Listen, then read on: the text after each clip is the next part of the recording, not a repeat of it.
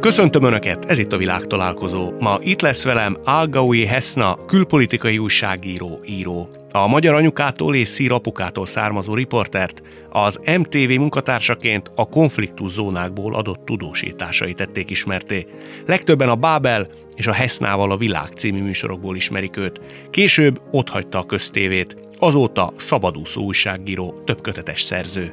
A Prima Primissima díjas újságíró a félelem és a traumák természetrajzát kutatja. Párosunk másik tagja, Lukács Sándor, Kossuth Díjas színművész. Lassan 50 éve a Víg Színház vezető színésze. Megszámlálhatatlan színpadi és filmszerep fűződik a nevéhez. Hosszú ideig a magyar Alain Delonként emlegették őt. Legendás orgánumát szintén gyakran használják a rendezők. Régóta nős, házasságokból egy fiúk született. Lássuk, hogy mire megyünk ma így, hárman. Azt mondtad egy interjúban, hogy aki ismer, az tudja rólad, hogy nem vagy egy gyáva ember. Ezt miért tartottad fontosni, fontosnak bizonygatni? Hogy nem vagy az?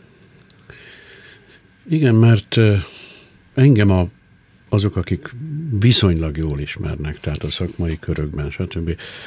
Egy olyan kedves, hogy mondjam, toleráns, elég jól, sőt, nagyon jól kommunikáló embernek tartanak. És sokszor többeknél ez egy kicsit úgy összekapcsolódik azzal, hogy na hát ezek mind, biztos mindenkinek igent mondanak, biztos rábólintanak mindenre, unzavajter, unzavajter. És nyilván egy olyan kontextusba hangzott el ez a mondatom, amit mondtam, amikor ilyen, ilyen mm, közérzetbe kerültem. Tehát az, hogyha valaki kommunikál, valaki, valaki nem csak a leadó, hanem a vevőkészüléke is megvan. Tehát odafigyel a partnerére, még akkor is, ha esetleg nem nagyon fontos dologról beszél neki. Ez még nem jelenti azt, hogy ő egy véleménytelen, egy meggyőződés nélküli, és ha élhelyzetbe kerül, akkor gyáván megnyilatkozó valaki. Mert és hogy te beleállsz a konfliktusokba is, ha úgy van? Igen. Ha ha olyan konfliktusokba kerülök, amely nekem nagyon fontos, és amelyről, amelynek az igazságáról, tehát a saját magam igazságáról meg vagyok győződve, akkor kőkeményen beleállok. Mondasz is nekünk egy olyan példát, ami ránk tartozik? Ami mondjuk ordítozós konfliktusod volt, akár a Víg színházban, akár máshol. Tehát amikor azt mondta volna Igen. egy átlagember, hogy basszus, ezt nem is gondoltam volna Lukács Sándorról, hogy így ki tudja ereszteni a hangját. Hát most hirtelen eszembe jut a egy sztori. A drág, egyébként drága Marton Laci, aki én 30 évig volt az igazgatóm, és én nagyon méltatlannak találtam azt, hogy ő elbúcsúzott a szakmától és az életétől. Nem akarom mentegetni természetesen a hibái alól, de közel sem volt arányban az a sárdobálás, amit megkapott élete végén. Te egyébként még együtt dolgoztatok bármikor ennek jelét, amivel őt megvádolták, vagy támadták, láttad? Nem. Egyetlen egyszer sem láttam. Amikor kitört ez a botrány, akkor következő, elkövetkező napokban nagyon sok tanítványával beszéltem, főiskolai hallgatókkal, illetve akkor már egyetemi hallgatókkal, és kőkeményen kérdeztem, érdeklődtem, senki, a tanítványai imádták mindent, tehát ő szakmabeliekkel soha nem került ilyen úgynevezett abúzus helyzetbe. Mindegy, nem is akarok erről De neked ez hideg zuhany volt, mikor ez Hideg, a... abszolút, és nem csak nekem, többünknek. Na, de több. a hölgy is szakmabeli volt, aki Igen, igen, igen, természetesen. Hát ez, ez nem jelent semmit, hát húsz évvel ezelőtt volt történt a dolog. Mondom, nem akarok itt most állást foglalni, meg utólag itt, de a kérdésedre válaszolva, a, konfliktus, a konfliktusra egy ilyen szituációba egy, egy nagyon fölpaprikázott, emocionálisan fölhevült próba kapcsán összekaptunk. Ő ugye lent ült a nézőtéren, harmadik, negyedik, ötödik sorba, én meg fönn a színpadon és egyre, egyre, egyre, egyre ment föl a pumpa mind a kettőnkben, ami elért egy kulminációt, amikor én megfogtam azt a kis faszéket, amin ültem, helytartóként, és teljes erőmből levágtam a nézőtérre. Hát egy olyan fél méterre ment el mellette, a Laci mellett. A tanú, aki ott volt Barakiás szerepében, sajnos szintén már nem él a Vallai Péter, Valcpeti barátom, Hát az is csak nézett, fölállt, és földbe kerezett a lába, hogy a Luki mit csinált. Marton mit mondott? Hát a, a, a, a, ott szünet lett rögtön. Kiment, izé, én is kimentem. Szumma vagy summa summárum egy negyed óra múlva, 20 perc múlva a legnagyobb egyetértésbe folytattuk a próbát. De akkor tényleg, hogy mondjam, szóval egy olyan, annyira éreztem, hogy nekem van igazam, plusz még én benne voltam abban az emocionális színpadi szerepi hangulatba, úgyhogy ez a kettő ragadtatott el, hogy én egy ilyet műveljek. Jellemző egyébként az életben, hogy egy olyan emberrel csináltam ezt, akit, akit nagyon szerettem, és azóta is nagyon szeretek. De megtörtént. Akkor egyébként az igazgatója volt a színháznak. Tehát kockáztattál hát, ezzel. Volt kockázata. Igen. Heszna, a te esetedben, ha azt kérdezni valaki, hogy te egy bátor vagy egy gyáva ember vagy, akkor mit mondanál? Hogy szerintem nincsen bátor vagy gyáva ember, hanem helyzetek vannak amibe vagy beleállunk, és tudunk bátran reagálni, vagy időnként lehet, hogy nem tudunk beleállni, és az nem azt jelenti, hogy gyáva valaki, és ezért én nem szeretem ezeket a címkézéseket, hanem hogy lehet, hogy abban a helyzetben gyáván reagálsz, de ha címkézed magad, akkor legközelebb nem fogsz tudni már uh-huh. bátran reagálni. És bocsánat, de de érzem, ahogy így hallgattalak, hogy így, így megy fel a pumpa bennem, nem tudok elsiklani e, e fölött a Marton ügy fölött elnézést, csak én annyira érzem, hogy én nekem így meg kell szólalnom ezzel kapcsolatban, mert ha nem mondom el a véleményemet, azzal olyan, mintha én egyetértenék azzal, amit mondtál, és azt elhiszem, hogy neked vannak érzelmi kötődéseid hozzá, és te lehet, hogy nem látod ezt a szeletét, de azért nem csak a Sáros Dilila, hanem több más ember is kiállt, és a nevével együtt vállalt, és elmesélte azt, ami történt, és én nagyon bátornak tartom azokat az embereket, akik, akik képesek óriásit kockáztatni. Mert nagyon sokunknak egyébként ez a karrierjébe került, és kiállni, először elmondani, vagy másodiknak, vagy harmadiknak, ami történt, és én nem mondom azt, hogy, hogy ez, ez, ezért neked is feltétlenül máshogy kell tekintened rá. Nyilván több évtizednyi közös munka az, az, az nagyon meghatározó, de, de hogy ezt, ezt csak így hozzá kellett fűznöm, hogy szerintem sokszor azt nem veszük figyelembe, hogy az, ami mikor hallunk valamit olyan semmiségnek hangzik, hogy hát, hogy az nem olyan nagy dolog, és én a traumákkal foglalkozom most két éve, és hogy annyira sok ilyen félreértést, vagy, vagy, vagy ilyen félredekódolást érzek azzal kapcsolatban, ami az emberek fejébe van, ha azt mondjuk, hogy trauma. Mert hogy nem ugyanaz a megküzdési készségünk, és lehet, hogy valakit az egy életre földhöz vág, ami egy másik embernek egy válrádítás, és azt mondja, hogy hát jó, tovább lépek, de hogy más a puttonyunk, mással érkezünk, már akár a, föld, a megszületésünk pillanatában is ugye az életbe nagyon sokszor gyerekkorunkba ér aztán minket különböző élmény. Tehát, hogy, hogy mindenkinek más a megküzdési készsége, és hogy szerintem nagyon fontos tiszteletbe tartani ezeket a határokat, hogy igenis valakinek lehet, hogy valami olyan dolog nagyon traumatizáló, ami másnak meg nem egy, nem egy ilyen túl karcos esemény. Igen, igen, igen, én értelek, és még akkor engedjetek meg egy mondatot visszatérve még a úgynevezett Marton ügyre. Az azt hiszem, arra emlékeztek, hogy azt, azt mondtam, mielőtt ebbe belekezdtem, hogy én egy pillanatra sem mentem Persze. felőtt.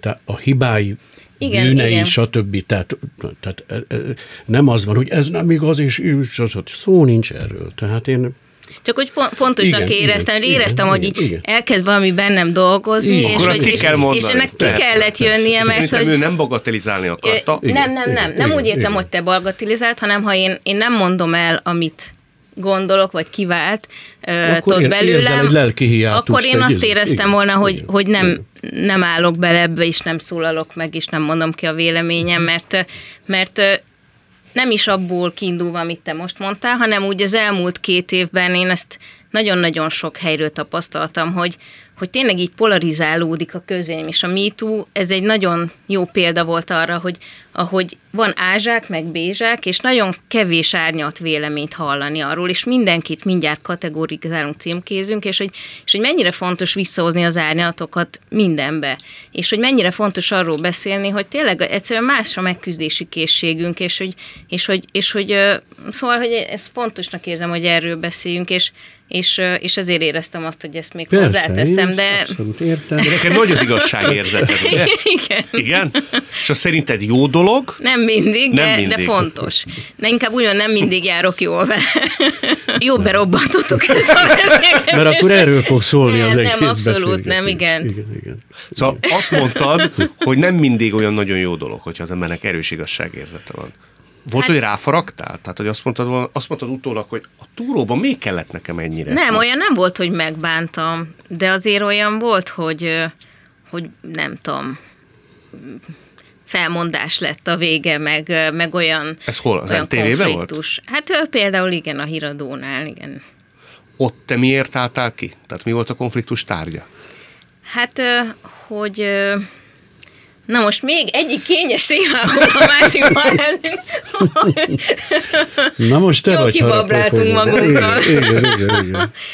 Nem, hát akkor ugye nagyon sok átalakítás volt, és, és az volt a szándék, hogy a, hogy a külpolitikai ö, ö, szekcióban dolgozók azok más területet kapjanak, és akkor az volt a vezetőség kérés, hogy én belpolitikai riporterként dolgozom tovább, és én azt mondtam, hogy ezt nem vagyok hajlandó, mert nekem nem ez a szakmám, nem értek hozzá. Ezt elfogadta a tévévezetése? nem, úgyhogy felmondtam, de akkor végül is, vagyis hát nem a tévé vezetése, hanem, hanem a hírfőszerkesztőség vezetése, és akkor, akkor úgy is volt, hogy eljövök a tévétől, de akkor végül is a tévé akkori vezetése, az azért már jó néhány évvel ezelőtt volt, akkor azt felajánlott, hogy a dokumentumfilm szerkesztőségen dolgozhatom, hogyha ezt szeretném, és akkor én ebben láttam potenciált, és, és arra gondoltam, hogy akkor lehet, hogy ez egy olyan terület lehet, ami, ami érdekel, ami kihívásokat tartogat nekem, és egyébként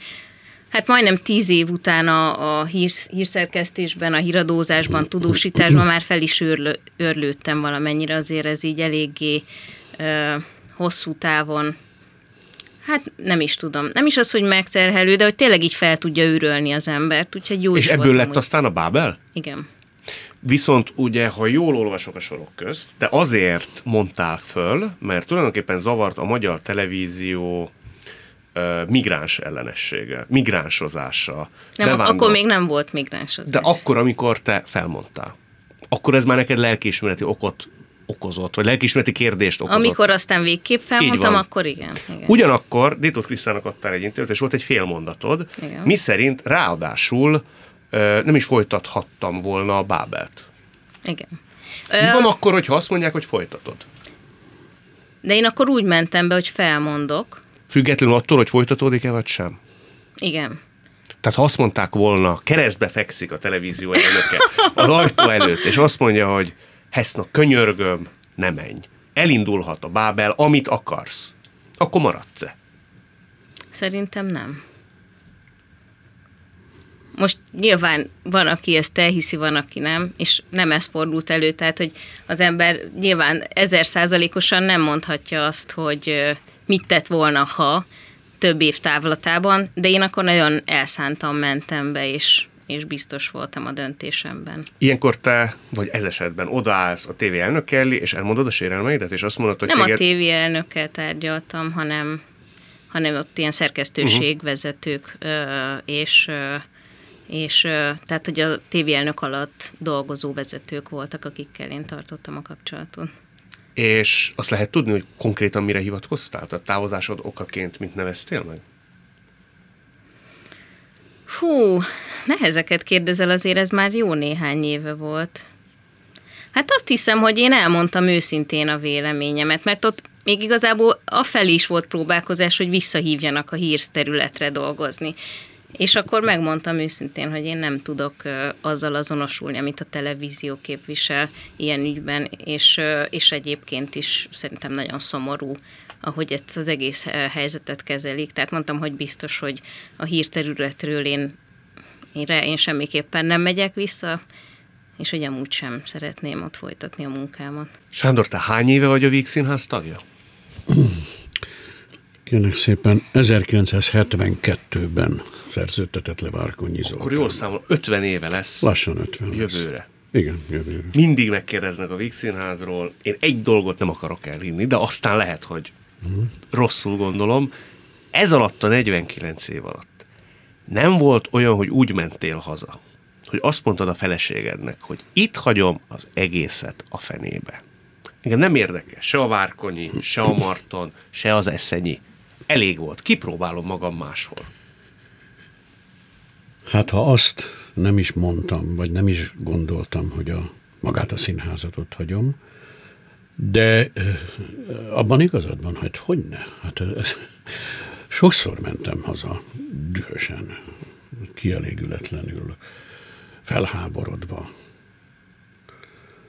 És Szóval a színészi élet az egy rendkívül hullámzó, a színészi hangulat. Egy színvonalat tartani, ez közhely, de muszáj most elismételnem, nehezebb, mint kiugrani. Tehát megtartani azt a színvonalat, amit, amit már egyszer, kétszer, háromszor elértél, az, az marha nehéz. Ezekből voltak a felhorganásaid, amikor azt érezted, hogy most ez, ez, ez esik kicsit, vagy valami? I, igen, hogy mondjam, volt, amikor össze is vesztem kollégákkal, partnerekkel, nem értettünk egyet. Hát a, a partner viszony, ez is egy rendkívül bonyolult dolog. Te könnyű kollega vagy? Tehát veled könnyű én, én szegény anyámtól örököltem, aki nagyon fiatalon, 53 évesen halt, 52 évesen halt meg. Neki volt fantasztikus jó kommunikációs képessége. Ha már édesanyádat említed, és az ő korai halálát.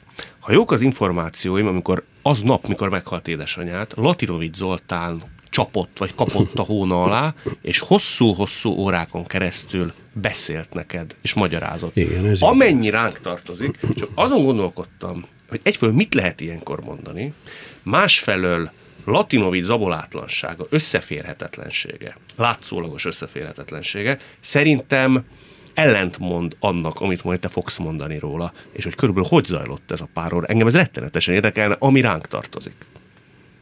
Igen, hát ez, ez így igaz, ahogy mondta, tehát én nyilván mondtam ezt, vagy riportban valahol.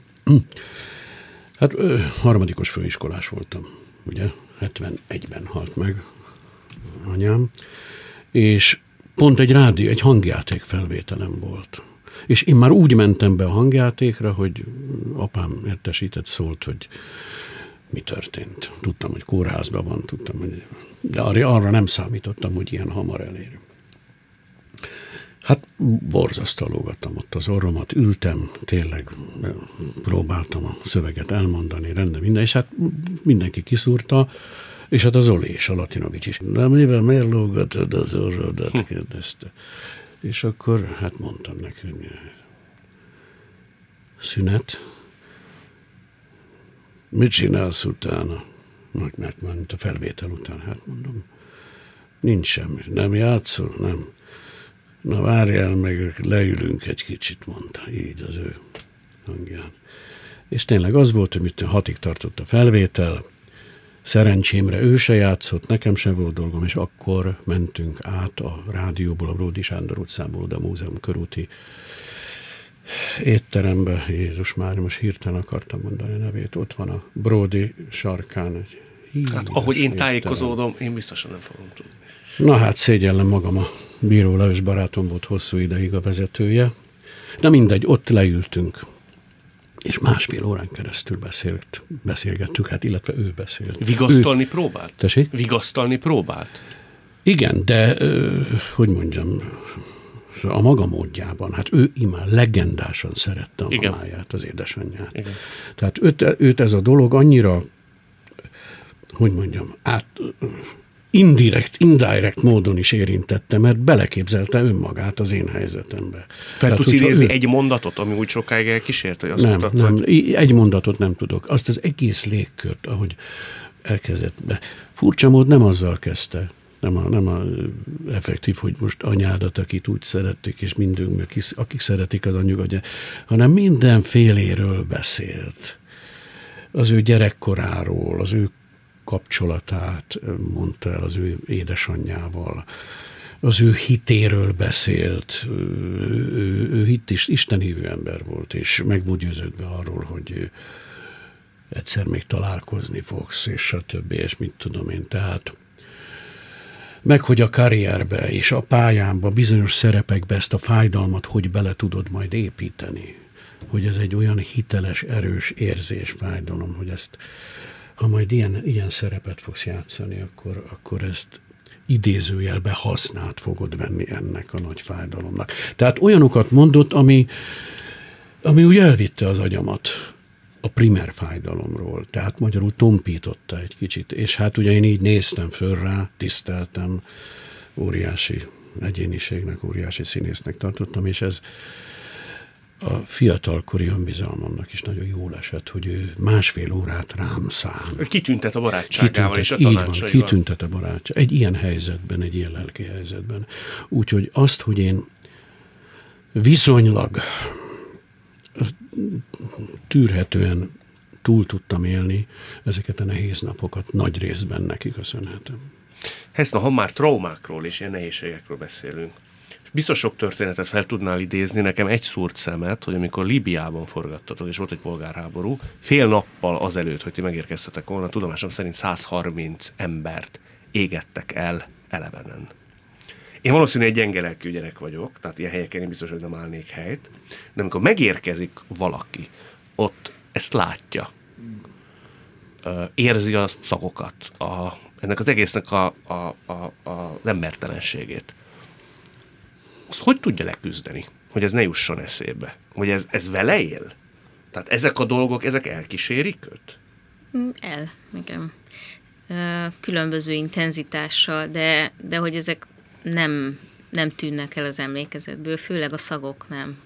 Valahogy az illatok, a szagok azok, azok a legmélyebb rehatoló emlékek nekem. És ennek az élménynek, amit most mondtál, ennek a borzasztó megtapasztalása is leginkább szagok útján kísért a legtovább. Tehát voltak olyan, most ez ilyen nagyon bagatel, de talán nagyon kézzelfogható példa, hogy voltak ételek, amiket évekig nem tudta menni ezek után, hogyha az illatuk bárhogy is emlékeztetett erre a helyzetre. De nagyon érdekes ez, mert, mert érdekesen vagyunk behúzalozva, hogy nekem rögtön az első ilyen háborús terepen szerzett megtapasztalásom megdöbbent. Tehát, hogy most megint mondok inkább egy történetet, Szudán volt az első olyan olyan háborús terep, ahol forgattam, és engem például nagyon meglepett az, hogy én, én nem omlottam össze az első pillanatban, és hogy bírtam sírás nélkül végig dolgozni a napot, és amikor az este folyamán erre így, így ráeszméltem, akkor, akkor szinte ettől omlottam össze, hogy lehet, hogy mégse vagyok az az empatikus ember, akinek gondoltam magam. És akkor Rácz Laci, az operatőr társam, akivel a legtöbb ilyen helyet végigjártam, aki már akkor egy elég rutinos operatőr volt ilyen helyeken is, Benda Lacival azért annak idején a szép panoráma emlékeit felidézve, ők nagyon sok ilyen terepe jártak már korábban, és akkor a Rácz Laci mondta, hogy ez nem azt jelenti, hogy ennek nem lesz nyoma a lelkedben, vagy hatása annak, amit láttál, hanem ez azt jelenti, hogy, hogy alkalmas vagy erre a munkára.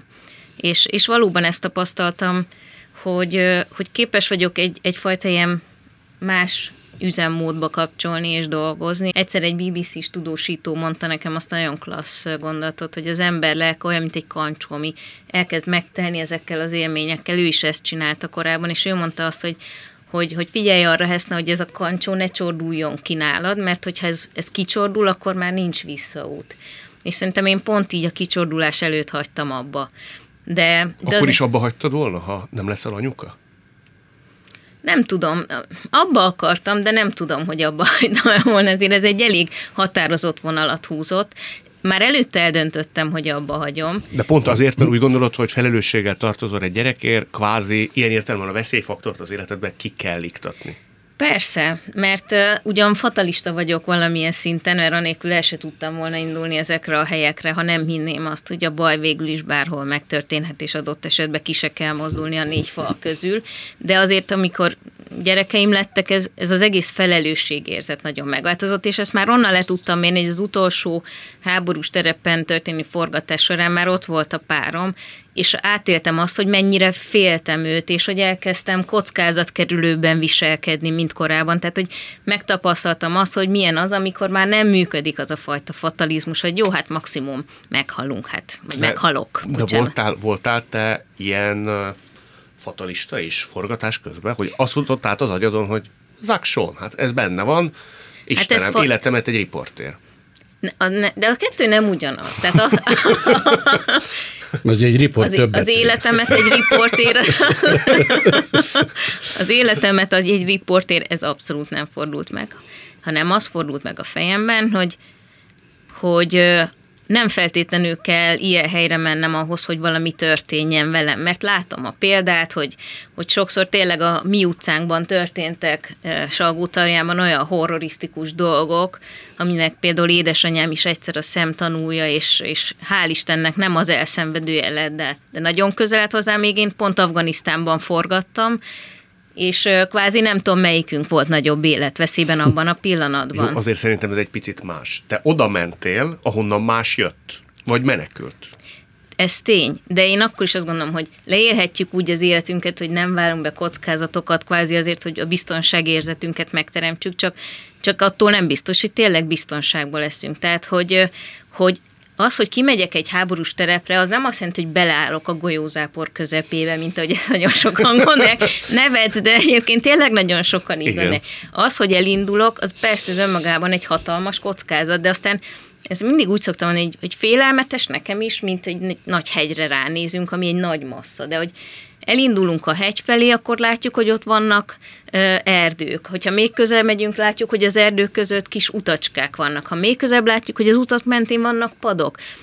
Ilyen megállási pontok, döntési pontok, és egy ilyen háborús forgatás is tele van még döntési pont, hogy még több kockázatot bevállalok, ezt az utat választom, azt, tehát, hogy ez nem azt jelenti, hogy az ember ész nélkül megy a veszélybe, hanem azt jelenti, hogy bevállal egy nagyfokú kockázatot, megint mosolyogsz, de, de közben még még mindig vannak döntési pontok, amiket meghozhat, és néha a veszélyesebb utat választjuk ott is, néha kivárunk. Tehát, hogy, hogy nagyon sok rétegű ez az egész dolog, és, és nekem kellett egyfajta fatalizmus ahhoz, hogy elinduljak, hiszen ha nem gondoltam volna azt, hogy a baj bárhogy bárhol megtörténhet, ahhoz nem feltétlenül kell ilyen helyre menni, akkor, akkor nem indultam volna el. Neked melyik része hiányzik? Az adrenalin része? Ö, Azért nehéz erre válaszolni, mert, mert ezek összefüggnek. Nem, nem az adrenalin maga hiányzik, hiszen adrenalin tudok termelni akkor is, hogyha elkezdek ejtőernyőzni, de mivel az öncélú adrenalin termelésben nem hiszek, ezért nem űzök szem, semmilyen extrém sportot se, hanem én nyilván láttam ebben egyfajta ilyen küldetéstudatot, hogy oda menjek, megmutassam, beszéljek azokkal az emberekkel, átadjam, tehát hogy és ennek persze, hogy része az, hogy az ember ilyenkor egy teljesen módosult tudatállapotba kerül. Tehát egy ilyen forgatás, az teljesen más hangulatú, mint bármi más, amit én megtapasztaltam, és az is nagyon hiányzik, hogy, hogy nem tudok oda menni, amikor hallom, hogy valami nagyon fontos dolog történik, és, és az első érzésem az, hogy fú, de jó lenne oda menni, megmutatni, látni, stb. És a második gondolat az, hogy hát én most már nem fogok tudni, mert hogy most más az élethelyzet, és nekem ezt egyébként valahol meg kellett gyászolnom eznek az egésznek az elengedését, tehát hogy ez egy folyamat volt, és ráadásul az gyász se hogy az ember hip-hop le tudja, hanem hogy ez is egy folyamat, hogy, hogy átmész a folyamaton, a, az egész öt fázison, és eljut az elfogadásba, de aztán lehet, hogy egy hónap múlva megint történik valami, hogy visszakerülsz a, megint a düh állapotba, aztán jön megint a szomorúság, vagy éppen az alkudozás. És az a jó, hogy közben, amikor jön ez az egész, és azt hiszem, hogy de jó lenne menni, és aztán mégse, akkor ránézek a gyerekeimre, és azt mondom, hogy úristen, de hát, hát persze, hogy megéri, hát sokkal jobb ez így, és akkor el tudom engedni. Szóval a személyiségem nem változott meg attól, hogy anyuka lettem, de hál' Istennek a fontossági sorrend az élem. Ez itt továbbra is a világtalálkozó Algói Hesznával és Lukács Sándorral. Sándor, a te esetedben az hogy volt, aztán annyit beszélünk róla, amennyit engedsz erről, de az köztudomású, hogy azért ti Kern Andrással fiatalon, hogy úgy mondjam, pagánykodtatok. András ezt egy interjúban nekem úgy mondta, hogy azért ti úgy megadtátok a módját. Ez a része, hogy nagyon menő, fiatal sztárszínészekből hirtelenjébe otthon ülő apukák lesznek, vagy, vagy a családapák lesznek. Ennek az átmenete az neked ilyen csettintésre ment? Nem, hát szóval ez nem egyik, hogy is mondjam, csak itt nem lehet éles határvonalat húzni. Az tény, hogy egy rendkívül élménygazdag igazi, klassz, vagány legény életet éltünk. Mit lehet erről tudni? Tudunk titkot tartani. Kérlek szépen, nagyon sok kalandunk volt. Nagyon sok kedves, aranyos lányjal ismerkedtünk meg, bulisztunk. Én úgy tudom, hogy egyszer a Szófia szálló teraszán megszámoltátok, hogy kinek volt több hódítása.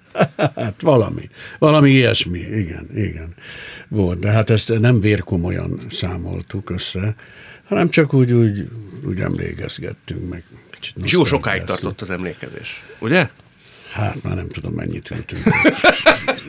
De hát az a Sopszkasz salátára emlékszem, a Szófia étteremben ott nagyon jó Sopszka, Budapesten a legjobban csinálták, és megettünk vagy két-három adag Sopszka salátát, azt tudom.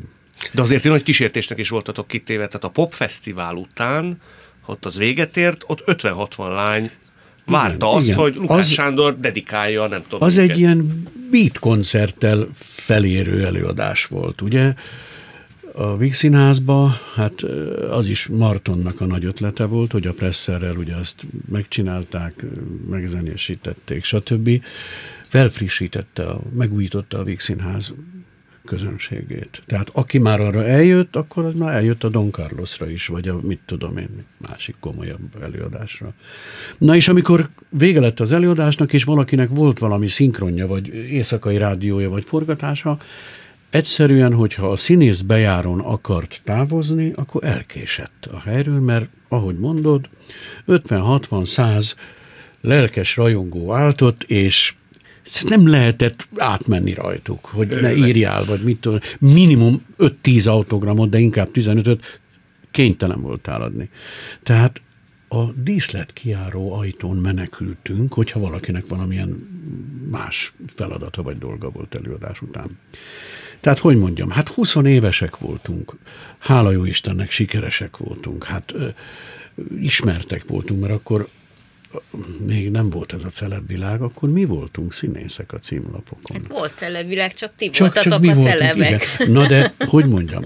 De más értelemben nem volt persze, ilyen pejoratív Pontosan, felhangja, pontosan. A különbség Ott az, nem nélkülözte a teljesítményt hogy, szemben el, a mával. Ez, tehát ahhoz, hogy a filmszínház muzsikálba, a filmvilágba, vagy a tükörbe, vagy mit tudom én, címlapra kerülj, ahhoz kellett egy teljesítmény, vagy egy színházi főszerep, vagy filmfő, tehát nem kerülhettél csak úgy a két szép szemed miatt a címlapra. Meddig tartott ez a tivornyázós korszakotot? Hát nézd, ugye 72-ben szerződtem, szerződtem a Víg Színházhoz, és 76-ban nősültem meg, de hát már a főiskola alatt is, ugye, 68-tól 68-ba vettek föl engem a színművészetire, Úgyhogy ez tulajdonképpen ez a, ez a nagy élet, ez a királyi élet, ez tartott 68-tól 76-ig. Hát akkor 8 év. 8 év. Igen. Nosztalgiával gondol vissza az ember, vagy, mert volt egy fél mondatod az egyik interjúban, hogy az a nagy kísértés ilyenkor,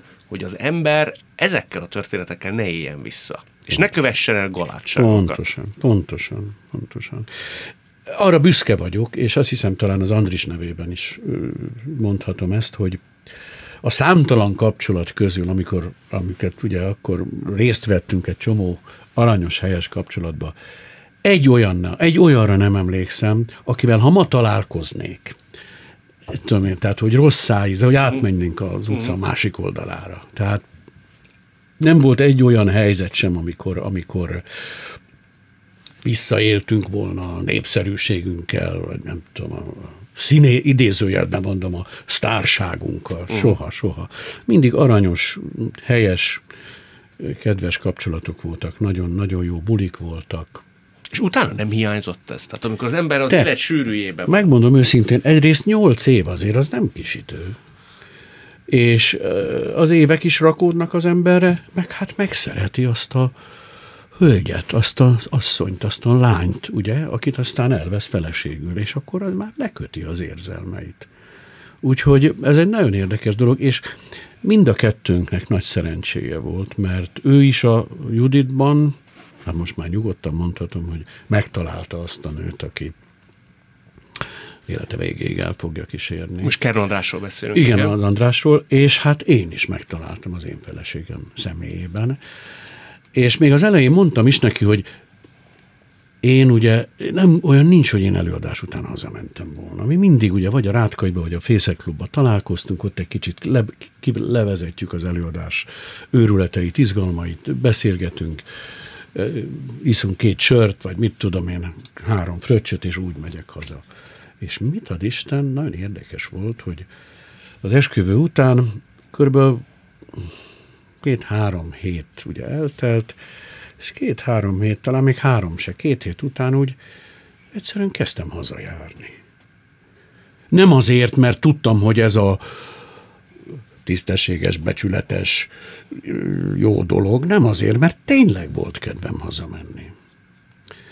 Baromi jól főz a felesége, már akkor is. Uh-huh. Én meg egy kulináris lény vagyok, imádom a finom jó ételeket. De hát ez csak egy kisebb dolog. Egyszerűen kedvem volt hazamenni. Te mond, és nagyon untad, vagy unod azokat az újságírói kérdéseket, ami arra irányult veled kapcsolatban, hogy te voltál a magyar de. Nagyon unom, nagyon. Igen? Mielőtt befejeznéd. Igen? Nagyon, nagyon, nagyon. Hogy a jóképű színész, a ja, sármőr. Nagyon, nagyon, nagyon. Eleve, Sokszor volt igen. olyan, bocsánat, hogy uh-huh. azt érezted volna színészként is, hogy, hogy lehet, hogy bizonyos szempontból egy olyan alkatú színész, akire nem mondanánk azt, vagy nem mondaná azt egy átlagni, hogy no, egy sármőr, hogy színészként szerencsésebb alkat. Érezted ezt? Hogy a büdös életben. Te azért sem éreztem, mert ha végig nézed esetleg egy lexikonba, vagy nem tudom, statisztikai évkönyvbe az én televíziós, filmes, meg színpadi szerepeimet is, azoknak a 80 százaléka karakterhős volt. Tehát inkább negatívba hajló karakterhős. Tehát úgynevezett sármos, tiszta lelkű, uh-huh. kékszemű, pozitív hősöket nagyon keveset játszott. Nagyon Untad keveset. is, amikor azt kellett, ugye? Hát ugye akkor még nem nagyon válogathat az Igen. ember fiatalon, meg hát én mindig arra törekedtem, hogy egy kicsit ellene játszak mindent. Tehát, hogyha kaptam egy gonosz szerepet, most csak leegyszerűsítem uh-huh. a dolgot, akkor próbáltam eljátszani, megmutatni azt, hogy mitől lett ez ilyen. Meg hogy azért ennek a lelkének egy faktorában azért ugyanúgy megvannak a pozitív érzelmek, mint egy úgynevezett jó embernél, és vice versa, fordítva.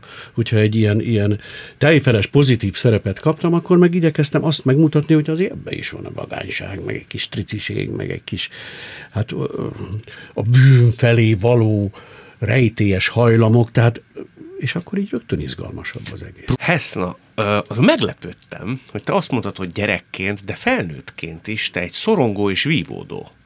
Gyerek, illetve felnőtt vagy. Igen, hát most már azért nagyon sokat alakítottam magamon, nem véletlenül foglalkozom ezzel a témával. Ezzel lehet alakítani? Tehát tudatosan? Lehet, abszolút szerintem. Teljesen nem tudja az ember megváltoztatni ezt, tehát hogy a, azért az fontos leszögezni, hogy hogy eleve valamennyi szorongás evolúciósan is fontos egyébként, de, de szerintem igen, ezen abszolút lehet dolgozni. Az, hogy szorongó gyerek voltam, igen, ezt azért szoktam elmesélni, mert egyrészt erőt akarok adni a szorongó gyerekeknek és a szorongó gyerekek szüleinek, hogy, hogy nem kell százszázalékosan kétségbe esni, de mondjuk nem árt foglalkozni ezzel. Másrészt megnézni, hogy mi ennek az oka, honnan Te jöhet. tudod, hogy honnan jött? Igazából szerintem nekem ez egy ilyen életmisszió, hogy ezt visszafejtsem, és, uh-huh. és számos dologból jöhet. Én nagyon, hogy is mondjam, nagyon maximalista voltam mindig magammal, és, és ez biztos, hogy több terhet rót rám lelkileg, mint nagyon, mint más gyerekekre, vagy több terhet rót rám, mint, mint hogyha valakiben nincs meg ez a késztetés, hogy, hogy mindenből mindig a legjobbat hozza ki. De, de Közben nagyon sok minden abból is adódott egyébként, azt vettem észre, hogy, hogy sokszor a múltól rángódtam, sokszor a jövőbe révettem, én egy alapvetően egy lassú gyerek voltam, és ez az iskolarendszer, ez nehezen tolerálja, a klasszikus iskolarendszer a lassú gyerekeket, mert hogy idő van, menni kell, haladni, stb. stb. És, és ezért én, én ezt nagyon megszenvedtem. És aztán így felnőtt fejjel rájöttem, hogy az, az én lassúságomnak az egyik oka az, hogy, hogy fejben már mindig máshol jártam, terveztem, kitaláltam történeteket, utáltam bemagolni, én ahelyett, hogy bemagoltam volna János Vitézt, otthon ültem a könyvöt, és inkább elkezdtem egy ilyen saját elbeszélő költeményt írni, mert az izgatott az, az úgy, az úgy lekötött. De, de ez a magolás része soha nem, mert ezért is mentem jogi egyetemre, egyébként hozzáteszem. Vagy a múlton gondolkodtam, és egyébként... De már pont... fiatalon is a múlton gondolkodtam. Igen, igen, tehát, hogy rágódtam azon, hogy jó döntést hoztam a helyzetbe, jó reagáltam el. tíz évesen a nyolc éves Heszna úgy végig gondolta, hogy mit kéne csinálni? Igen, én egy ilyen filozofálgatós, lelkizős gyerek voltam. De erről le lehet jönni? Igen, az a, hogy megpróbáld magad visszahozni a jelenbe, mert a szorongás az mindig a jövőben játszódik. Igen. Ugye, hogy egy interjú nagyon, nagyon klassz képlettel ezt kifejezte, a szorongás az a félelem megszorozva a fantáziával. Amikor ér valami info, eszedbe jut valami, és elkezdesz forgatókönyveket gyártani, ami egy pontig természetes, és mindenki csinálja egy ponton túl, mert nem, már nem jó, és befolyásolja a döntéseidet, a, a hangulatodat, az érzelmeidet, és és például ez az egyik technika, amit én alkalmazok, hogy visszahozzam magam a jelenbe. És egyébként nagyon sokat számít egy önismereti folyamat, tehát mindenkinek tudom ajánlani, aki szorong, hogy az önismeret az nagyon sokban segít, hogy, hogy rögtön fülön csípjük azt, hogy elindulnak ezek a szorongató gondolatfolyamok, és megállítsa az ember, és visszahozza magát a jelenbe. Azt, hogy jól tudom, hogy a neved az azt jelenti, egyfelől, hogy szép, másfelől pedig, hogy rátarti. Igen. Rátarti? Az, al, az algaui, ugye. Az annak, azt jelenti, hogy rátarti? Hát igen, nehéz pontosan tükörfordítást adni, de igen. Tehát igen. ilyen gőgös? G- gőgös, beképzelt rátarti. Tehát beképzelt szépségnek is, hát nem hetszeltek egy időben kollégák. Hetszeltek? igen. igen. Pedig nem, szerintem nem vagy gőgös. Azt nem... Ugye úgy értve, hogy ez milyen klasszis, hogy így kéne aláírnom a cikkeket, hogy beképzelt szépség. Tehát én kedveselhettek. Igen, ezt, ezt a mesterem Kelen Károly mondta mindig, hogy ígérjem meg, hogy egyszer egy cikket így fogok aláírni, hogy beképzelt szépség. Még nem történt meg, úgyhogy még lógok neki ezzel. De egyszer aláírod így? De igen, igen, be fogom tartani az ígéretemet. Én a magam részéről a saját szakmában igyekeztem, meg igyekszem lopni. Tehát az előttem lévőktől. De úgyhogy valószínűleg nem is találkoztunk soha a büdös életben, olyanoktól is. Te ugye fiatalon a Darvas, Benkő Gyula, Páger, Latinovics korosztály közelében voltál, és voltatok. Te tudsz mondani olyat, és biztos loptatok ti is rengeteg mindent, amit ma már lehet, hogy nem is tudok, hogy te kitől szedted, de az már Lukács Sándorhoz köthető. Ez gesztus, technikai megoldás, bejövetel. Ha úgy tetszik, valami apró manír. Ez, ez van ilyen? Az egy későbbi dolog a manér. Állítom, hogy minden művész, minden fiatal művész valakitől, vagy valakiktől, egy bizonyos körtől ugye többet sajátít el, mint az átlagtól. Tehát mindenkinek van fiatal korában példaképe, ideája, akik hatással vannak rá. Ha az egyénisége, tehetsége,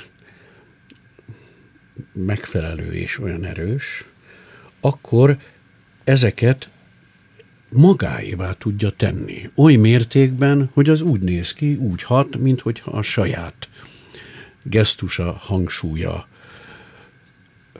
saját, hogy mondjam, elképzelése lenne. Tudsz mondani egy példát, hogy egy, rengeteget nem, tudna? Renget. Gondolhatod, hogy ugye a beszélgetésünk elején említettem, hogy részt vettem a Mario és a varázsló előadásában, és ott tényleg a Latinovics Zoli mellett test közelbe figyelhettem. Azt, hogy hogy vesz levegőt, a, a, a, a kitöréseit, a csendjeit, a, amikor megjelent a könny a szemében, hogy a legkülönbözőbb érzelmi hangulatváltásait. Tehát ezek, ezek, ezek alapvetően hatással voltak rám, aki szintén ugye színész készültem lenni, és, és tudtam, hogy előbb-utóbb majd egyszer talán én is fogok olyan szerepeket játszani, mint most a Zoli. Na most ezeket azért pontosan lekottázni nagyon nehéz, hogy én XXY szerepembe mikor vettem át a Zolinak egy gesztusát, egy hangsúlyát, vagy a Darvas Ivánnak, vagy a Págernek, vagy nem. Ez nehéz, de, de hogy az egész személyiségük, az, hogy ők katarzist tudnak más embereknek okozni. Azért szerettünk nagyon ö, a társalgóba, színész társalgóba fiatalon hosszú-hosszú időket eltölteni, és figyelni ezeknek a nagyoknak a létezését. Majdnem, hogy néha szinte jobban érdekelt bennünket a civil életük, az ott, amikor kávéztak, beszélgettek, cigarettáztak, vitatkoztak, dühösek lettek, kiabáltak, mint a színpadi alakítás. Hmm. Most, most ebben nem azt akarom mondani, azon is csüngtünk, de ez nagyon érdekel. A gesztusrendszerük, hogy ki hogy fejezte ki magát, ki hogy kért kávét, hogy rendelt, hmm. a fiatalokkal hogy bánt, a kollégájával, az egykorúakkal. Ezeket mind figyeltük, és valahogy mind be, belénk égtek ezek a, ezek a dolgok. Te a magad részéről elmondtad ezeknek az embereknek, hogy mennyire sokra tartod őket? Tudták ők nem azt, kellett, hogy ilyen férfi személyre nem kellett, el, nem kellett elmondani, mert ők pontosan érezték, mint ahogy meg kell, hogy mondjam, én is pontosan érzem egy velem leülő fiatallal kapcsolatban, hogy ő hova tesz engem, hol tart, mennyire tisztel, mennyire adja meg nekem azt az illendő hangvételt, amit hát esetleg megérdemelnék. Nem, mint a, nem úgy ülök le, hogy na majd most na, így viselkedj velem, de azt érzi az ember. Azt, azt érzi. Szóval nem kell. Megadják a maiak? Jobbára? Sokan, sokan, sokan, nagyon, nagyon sok. Azt hogy kell elképzelni? Tehát mi az az eljárásrend, amire te azt tudod mondani, hogy na, ez egy tisztelettudó, alázatos rác, hogy Igen. nem nyegle? Hogy mondjam, már eleve az, hogy érdeklődik. Uh-huh. Már az jelent valamit, jelent egy bizalmat egy bizalmi kérdést, hogy valami olyan dolog, szakmai vagy magánéleti dolog után érdeklődik, kíváncsi arra, hogy én mit fogok mondani, ez egy bizalom felém. Tehát ez már maga, nem szeretem ezt a hogy tisztelet, meg nem tudom, de, de tényleg ez már a tisztelet jele. A bizalom az a tisztelet jele. És több ilyen fiatal kollega van a Végszínházban is, akik nagyon sokszor oda jönnek hozzám, és érdeklődnek, és ami a szörnyű, azt kezdem észrevenni, hogy ezek a fiatal kollégák már lassan 40, 50-hez közelebb vannak. Mert elkezdődött, még 20 évesek voltak, frissen szerződtetett színészek, és közben elrepült egy 10-15 év, és már ők is már 40 és 50 között vannak. Na persze, meg hát vannak még a fiatalok, a, többen is, 8-10 nagyon. Van olyan, aki belátod a fiatal Lukács Sándor? Tehát hát nagyon, nem, nem? Nem, nem fiatal. Lá, látom a tehetséges későbbi színészt, meg már most is nagyon jók. Ki lesz mondjuk 15-20 év múlva a Vígszínház? Nem akarok neveket. Mondj egy De nem, nem, nem azért. Ő tudja? Ő tudja? Az illető. Ő tudja, hogy te... Hogy én ezt tartom? Igen, igen. Szerintem igen. Szerintem igen. Nem miatta nem mondom, a többiek miatt nem mondom. Uh-huh. Mert akkor az egy olyan rossz érzés annak, akit nem mondok. Értem. Tudod? Értem. Heszna egy érdekes... Egy, bocsáss igen? meg, eszembe jutott még a Heszna alatt, a, mikor a, kérdeztél rá, hogy édesanyám halála után a Latinovicsal leültünk. Hát a múzeum kávéház. Múzeum kávé. Nem jutott a múzeum neve, ami a Brodi Sándor utca körültság. Ott, ott ültetek a múzeum kávéház.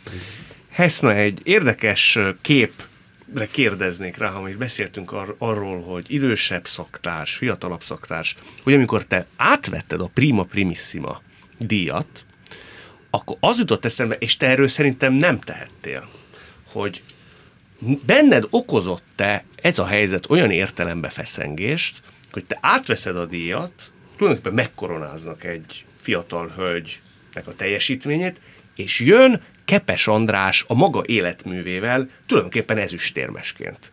Neked ez fura volt, vagy csak én, amikor ezt néztem, akkor mondtam magamba, hogy ez elég képtelen helyzet. És ez nem neked szól, hanem az ő védelmében. Persze, abszolút. Én nagyon tisztelem az Andrást, és abszolút ö, ö, tehát azt a szakmai teljesítményt, és azt az életutat, szakmai utat, amit letett az asztalra, szerintem ö, ö, tényleg nagyszerű és elismerése méltó, és persze, hogy okozott bennem ilyen, ilyen furcsa érzéseket, és én oda is mentem hozzá utána, és, és beszélgettünk, és, és hát nehéz erre mit mondani, tehát, hogy persze, igen.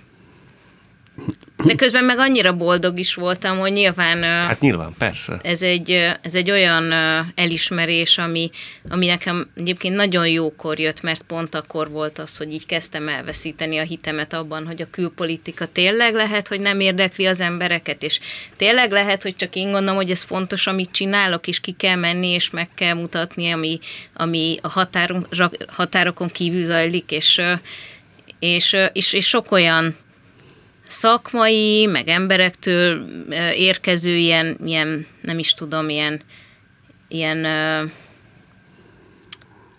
nem is komment, hanem inkább ilyen vélemény érkezett, vagy inkább olyan hozzáállás, ami úgy, úgy elgondolkodtatott, hogy tényleg nem tudom, nagyon sok évet beletettem ebbe, és én tényleg azon, hogy fontos tudni arról, hogy mi történik a közel-keleten és Afrikában, stb.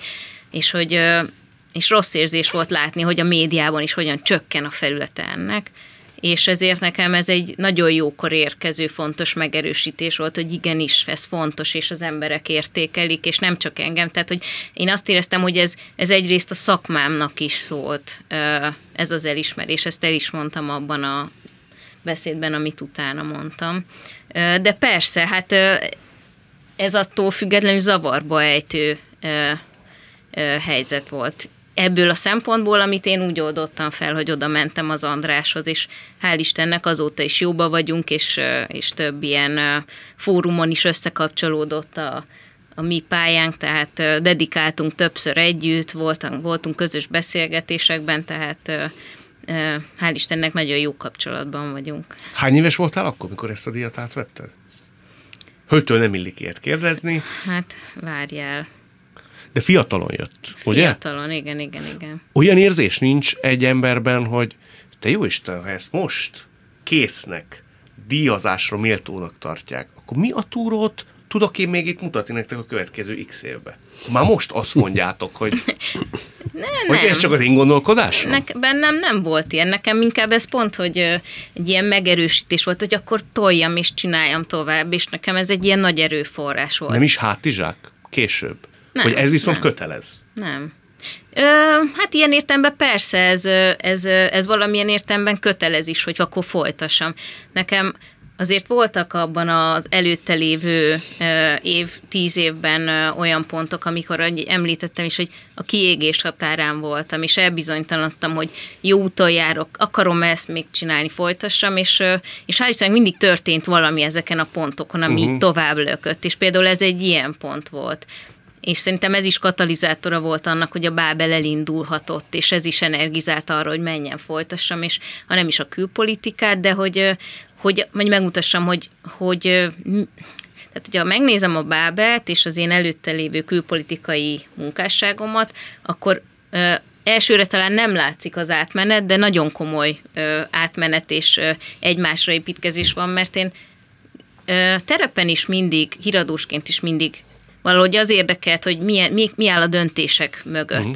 Az események mozgatórugója, az emberi viselkedésnek a mozgatórugói és híradósként azért korlátozottan van erre lehetőség. Panorámában időnként már egy 20 perces anyagba beleférjen, de például amikor elindult a Bábel, nagyon sok interjú alanyt megkerestem azokból az évekből, akikkel panorámásként itt-ott találkoztam, és nagyon megfogott a története. Bocsánat. Egészségedre. Igaz is, köszönöm. és aztán hál' Istennek itt 50 percet fel tudtam az ő életükre, történetükre építeni, hogy, hogy azt az egész helyzetet, amiből ők valahogy reagáltak, és általában olyan embereket kerestem, akik valami nagyon traumatikus élethelyzetből talpra tudtak állni, és valahogy tudtak egy olyan csavart hozni, hogy építkezzenek is ebből, szóval, hogy a Bábelben volt lehetősége ezt megmutatni. Úgyhogy, úgyhogy nekem ez egy, ez egy nagy muníció volt ez, a, ez az elismerés. Ágói Heszna és Lukács Sándor, nagyon szépen köszönöm. Köszönjük, Köszönjük mi is. szépen is. Világtalálkozónkat nem csak hallgathatják, de végig is nézhetik. Iménti beszélgetésünk hamarosan már látható lesz YouTube csatornámon is. A mai adás létrejöttében köszönöm Varholik Zoltán és Rózsehegyi Gábor segítségét. Találkozunk jövő szombaton itt, a Klubrádióban. Viszont hallásra!